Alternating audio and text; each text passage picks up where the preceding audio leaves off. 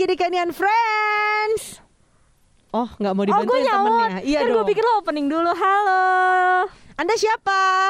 Aduh aku butiran debu nih Gue juga bingung kenapa ada di sini Jadi ini adalah orang yang gue spend most of my time setiap hari sama dia kalau muda. Eh kok kalau muda? Warga podcast. The one and only Putri. Halo Nama gue bagus ya di sini ya Bagus dong. Makasih ya Kenny Putri.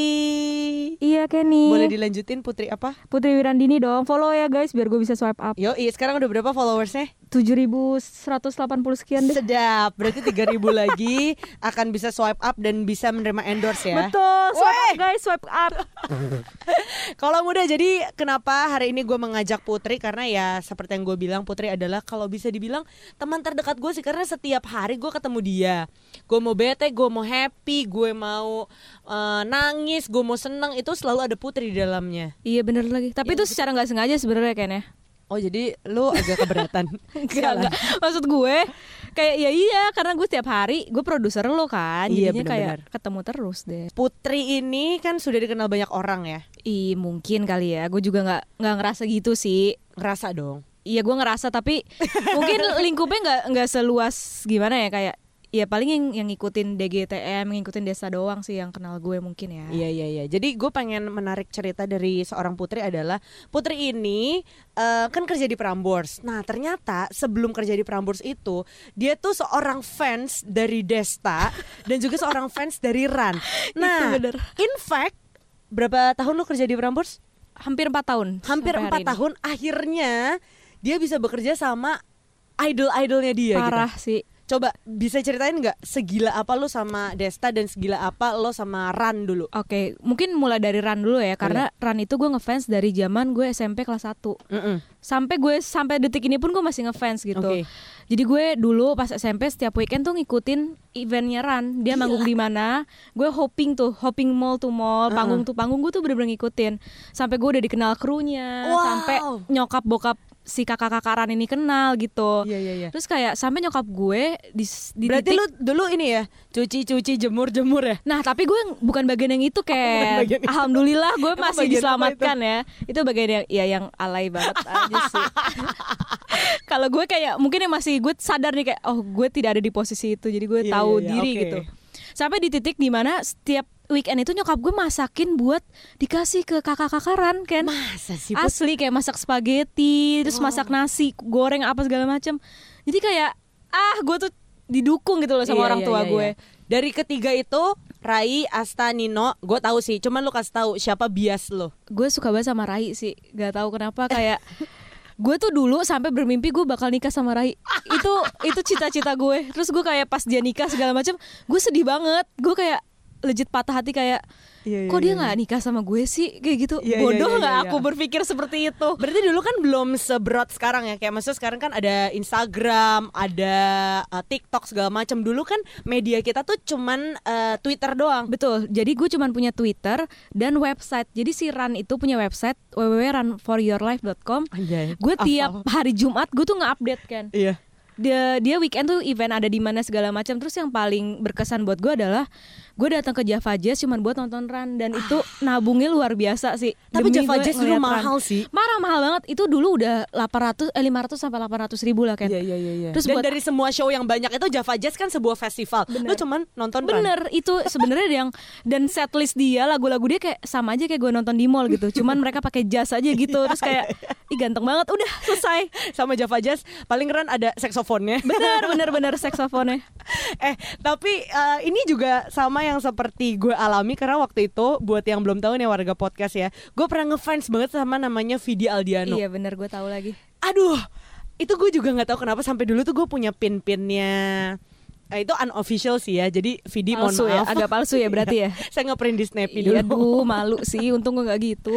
Terus udah gitu gue sampai datengin ke salah satu mm, mall, itu mallnya jauh dari rumah gue demi nonton Vidi doang. Aduh. Terus karena itu eh, acara banyak artisnya, jadi paling Vidi cuma 2-3 lagu lah. Aduh iya, itu gue juga merasakan sebagai fans uh, Heeh. band musisi Indonesia ya.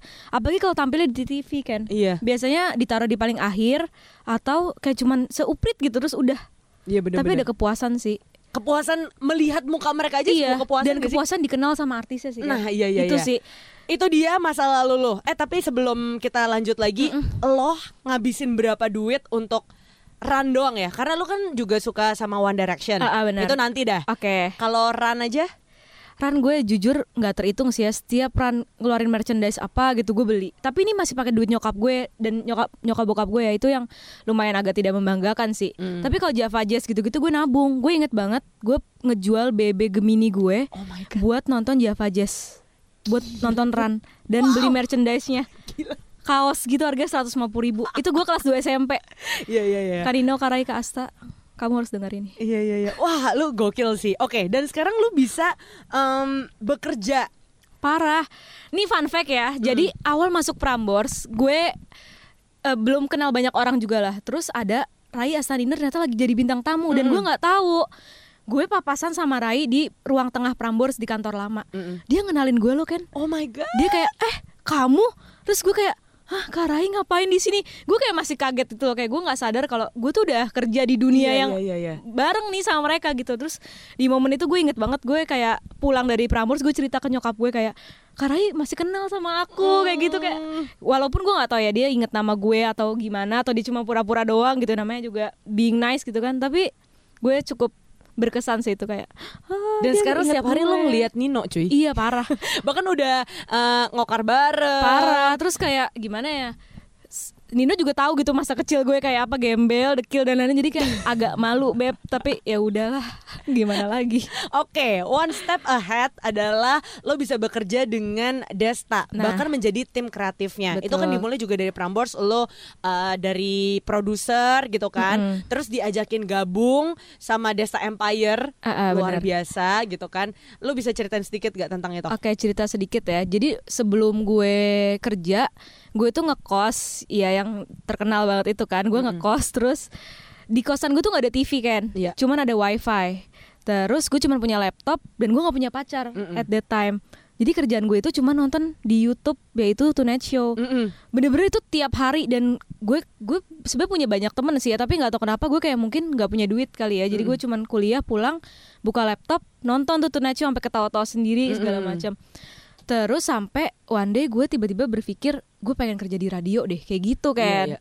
terus singkat cerita keterimalah di Prambors di Prambors awalnya gue tuh bukan megang DGTM ya gue tuh megang bagian periklanan Mm-mm. tapi setiap hari tuh gue datang pagi lebih pagi daripada semua karyawan yang lain Iya. karena kesepian gue masuk lah tuh ke ruang siaran kan terus Iya. ngobrol-ngobrol sampai akhirnya mungkin nggak tahu ya semesta mungkin sudah menjodohkan Iya, gue iya. dengan Desta gitu kali ya terus ya udah deket aja gitu sama Mas Desta bukan deket da- dalam konotasi gimana ya maksudnya deket as a friend gitu terus ya udah dia minta gue pindah ke pagi singkat cerita pindah ke pagi dan ya udah jadi produser DGTM terus sekarang megang podcastnya Mas Desta juga megang YouTube-nya Mas Desta masuk ke keluarga dia juga Iya. masuk ke Wow. Vincent juga ke bawa ke teman-teman artis dia semua kayak Mas Desta mengangkat gue dari onggokan sampah. Terima kasih Mas Desta Tapi ini ada dua yang pengen gue highlight sih. Karena gue melihat lo itu sebagai seorang yang kayak You work hard for what you want gitu. Sama seperti waktu pas gue di Prambors juga, gue selalu datang kayak lo gitu. Oh iya? Jadi dulu eh ya bukan dulu sih. Sampai sekarang juga siaran kan mulai jam 6 Ah, ah. Gue selalu datang tuh jam 6 kurang 15, jam 6 kurang 20 Lebih pagi daripada penyiar dan produsernya. Ah, ah, Pada waktu itu gue masih magang Dan rumah gue di Tangerang. Iya, Dan itu yang sih. membuat orang tuh appreciate kita tau gak sih? Mm, mm, mm, Yang kayak oh dia ternyata tepat waktu ya Dia helpful. Karena setahu gue juga Poin kedua adalah Desa itu nggak cepet cocok Dan gampang bergaul sama orang-orang baru. Iya betul. Iya kan? itu yang Karena- kata orang-orang yang gue denger juga gitu Iya, kenapa makanya DGTM tuh toxic? Karena sejujurnya eh, ya kita memang agak eksklusif. nggak mau ada yang kita tidak suka sedikit aja gitu iya, ya iya, iya benar dan kayak harus sefrekuensi ya. Tapi Hmm, kalau menurut gue itu ya boleh-boleh aja Iya, karena kan namanya dong. kerja lu setiap hari ketemu sama dia kalau misalnya lo nggak comfortable sama surroundingsnya kan agak susah untuk bekerja Betul. juga ya. Dan Putri ini adalah satu-satunya orang yang Desta bener-bener request ke bos.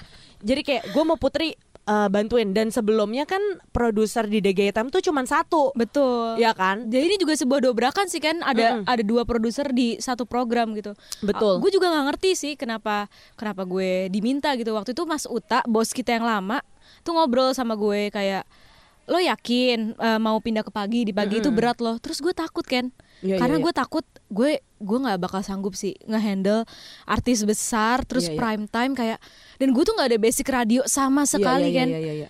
gue tuh nggak tahu jadi pas pertama kali masuk ke DGTM gue tuh nggak tahu kalau oh radio tuh ngelempar topik separah itu Ah, kan iya, iya, iya, gue iya, separah itu gue sebuta itu.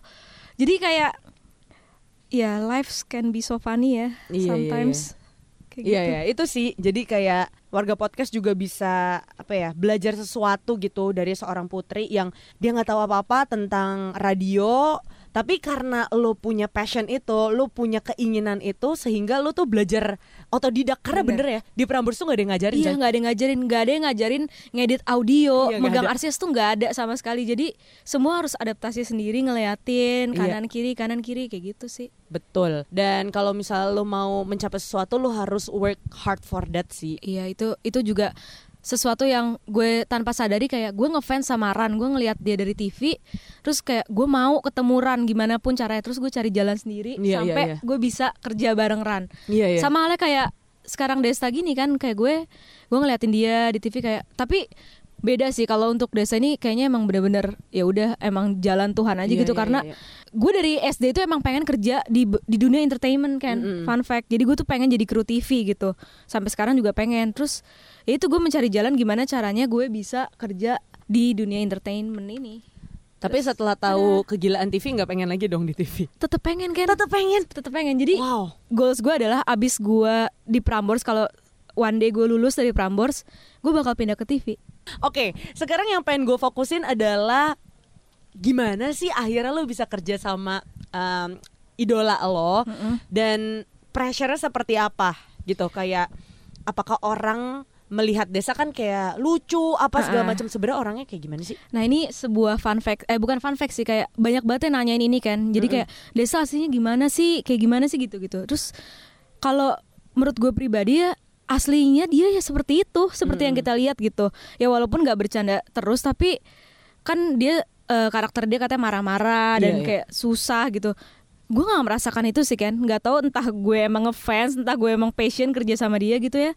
Tapi gue tidak merasakan itu walaupun kerja sama company sama dibandingkan kerja sama pribadi seseorang gitu ya Iya. itu rasanya beda loh kan kalau Iya. company kan jam kerja itu jelas gitu ya Iya. tapi kerja sama orang lain tuh beda gitu kayak gue sama Mas Desa masih chattingan jam satu malam ngomongin kerjaan tuh itu sering banget gitu Iya. loh tapi gue didn't mind at all gitu kayak gue tidak merasakan itu sebuah tekanan sebuah beban atau Pressure, apa gitu ya, ya. Heeh, enggak terus kayak banyak juga yang bingung kayak gimana cara ngebagi waktunya gitu antara Hmm. Prambors, DGTM, eh, podcast Vincent, eh podcast Vincent, podcast Desta, syuting Vindes gitu.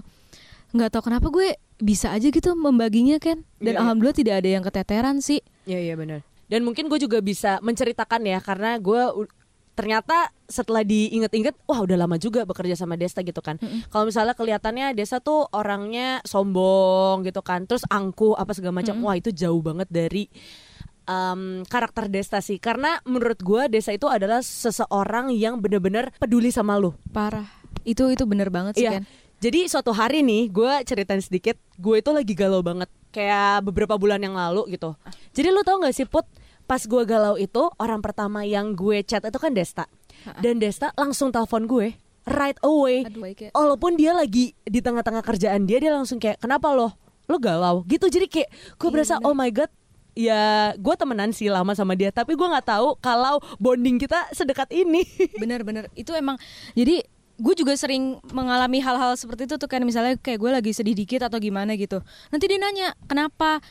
Dia tuh mau loh meladeni kisah cinta receh anak kecil ini Iya, gitu iya, loh. iya. dia tuh kayak dan dia tuh ngasih inputnya bener-bener dari hati banget gitu loh. Kayak kalau dari pengalaman gue sih kayak gini gini gini gini. Terus kayak ya pengalaman dia super banyak ya. Jadi kan Iya. kita kayak oh bener juga nih bapak-bapak kayak gitu loh itu sih so ke depannya seorang putri pengen ngerjain apa lagi sih dan Eh, mungkin sedikit bocoran kali ya. Eh, eh boleh nggak ya Mas Desta? Eh boleh lah ya. Boleh lah. Mungkin Vincent and Pendengar De- gue dikit kok. mungkin Vincent and Desta akan bakal lebih besar daripada ini. Minta Yes. doanya aja lah ya. Kayak udah banyak plan yang gue, Mas Desta dan Mas Vincent juga udah obrolin gitu kayak kalau memang lancar dan ada jalannya ya Bismillah aja lah. Iya iya. Thank you ya Put udah mau Sama-sama sharing loh. tentang kehidupan lo. Jadi untuk teman-teman di luar sana yang mungkin ngefans sama seseorang, lo mungkin suatu hari bisa bekerja sama dengan mereka ya gak sih? Bener, asal lo eh, mau cari jalan Iya. dan lo kerjain semua yang bisa lo kerjain dengan sungguh-sungguh. Berarti gue bisa dong nanti Bisa. kerja sama sama BTS. itu bisa banget kan bisa banget sumpah. Kayak lu lihat aja kayak lu kerja di Tokopedia terus gimana cara lu bisa masuk ke tim itu? Sumpah. Iya iya iya. pasti ada tim Tokopedia yang ketemu BTS langsung. Nggak mungkin Iya, iya. enggak gue gak usah kerja di Tokopedia lah. Gue dijadiin MC Tokopedia kayak apa Nggak, gitu. atau nggak usah Tokopedia lu berdoa aja Prambors punya akses ke Iya, BTS iya. Itu sih yang gue lagi Iya doain. kan tapi banyak saingannya ya Iya bener Ada Bella Bener. ya kan Ada Hani Betul. Ada Julio Ya itulah Semoga warga podcast mendapatkan sesuatu hari ini Dan kita doain aja Vindes semakin besar DGITM juga semakin Amin. kompak Putri juga semoga abis uh, kerja sama Ran, kerja sama sama Desa. Nanti setelah ini kerja sama sama Harry Styles Betul. ya. Betul. Wow. I love you Harry Styles. Thank you bot. Sama-sama Kenny.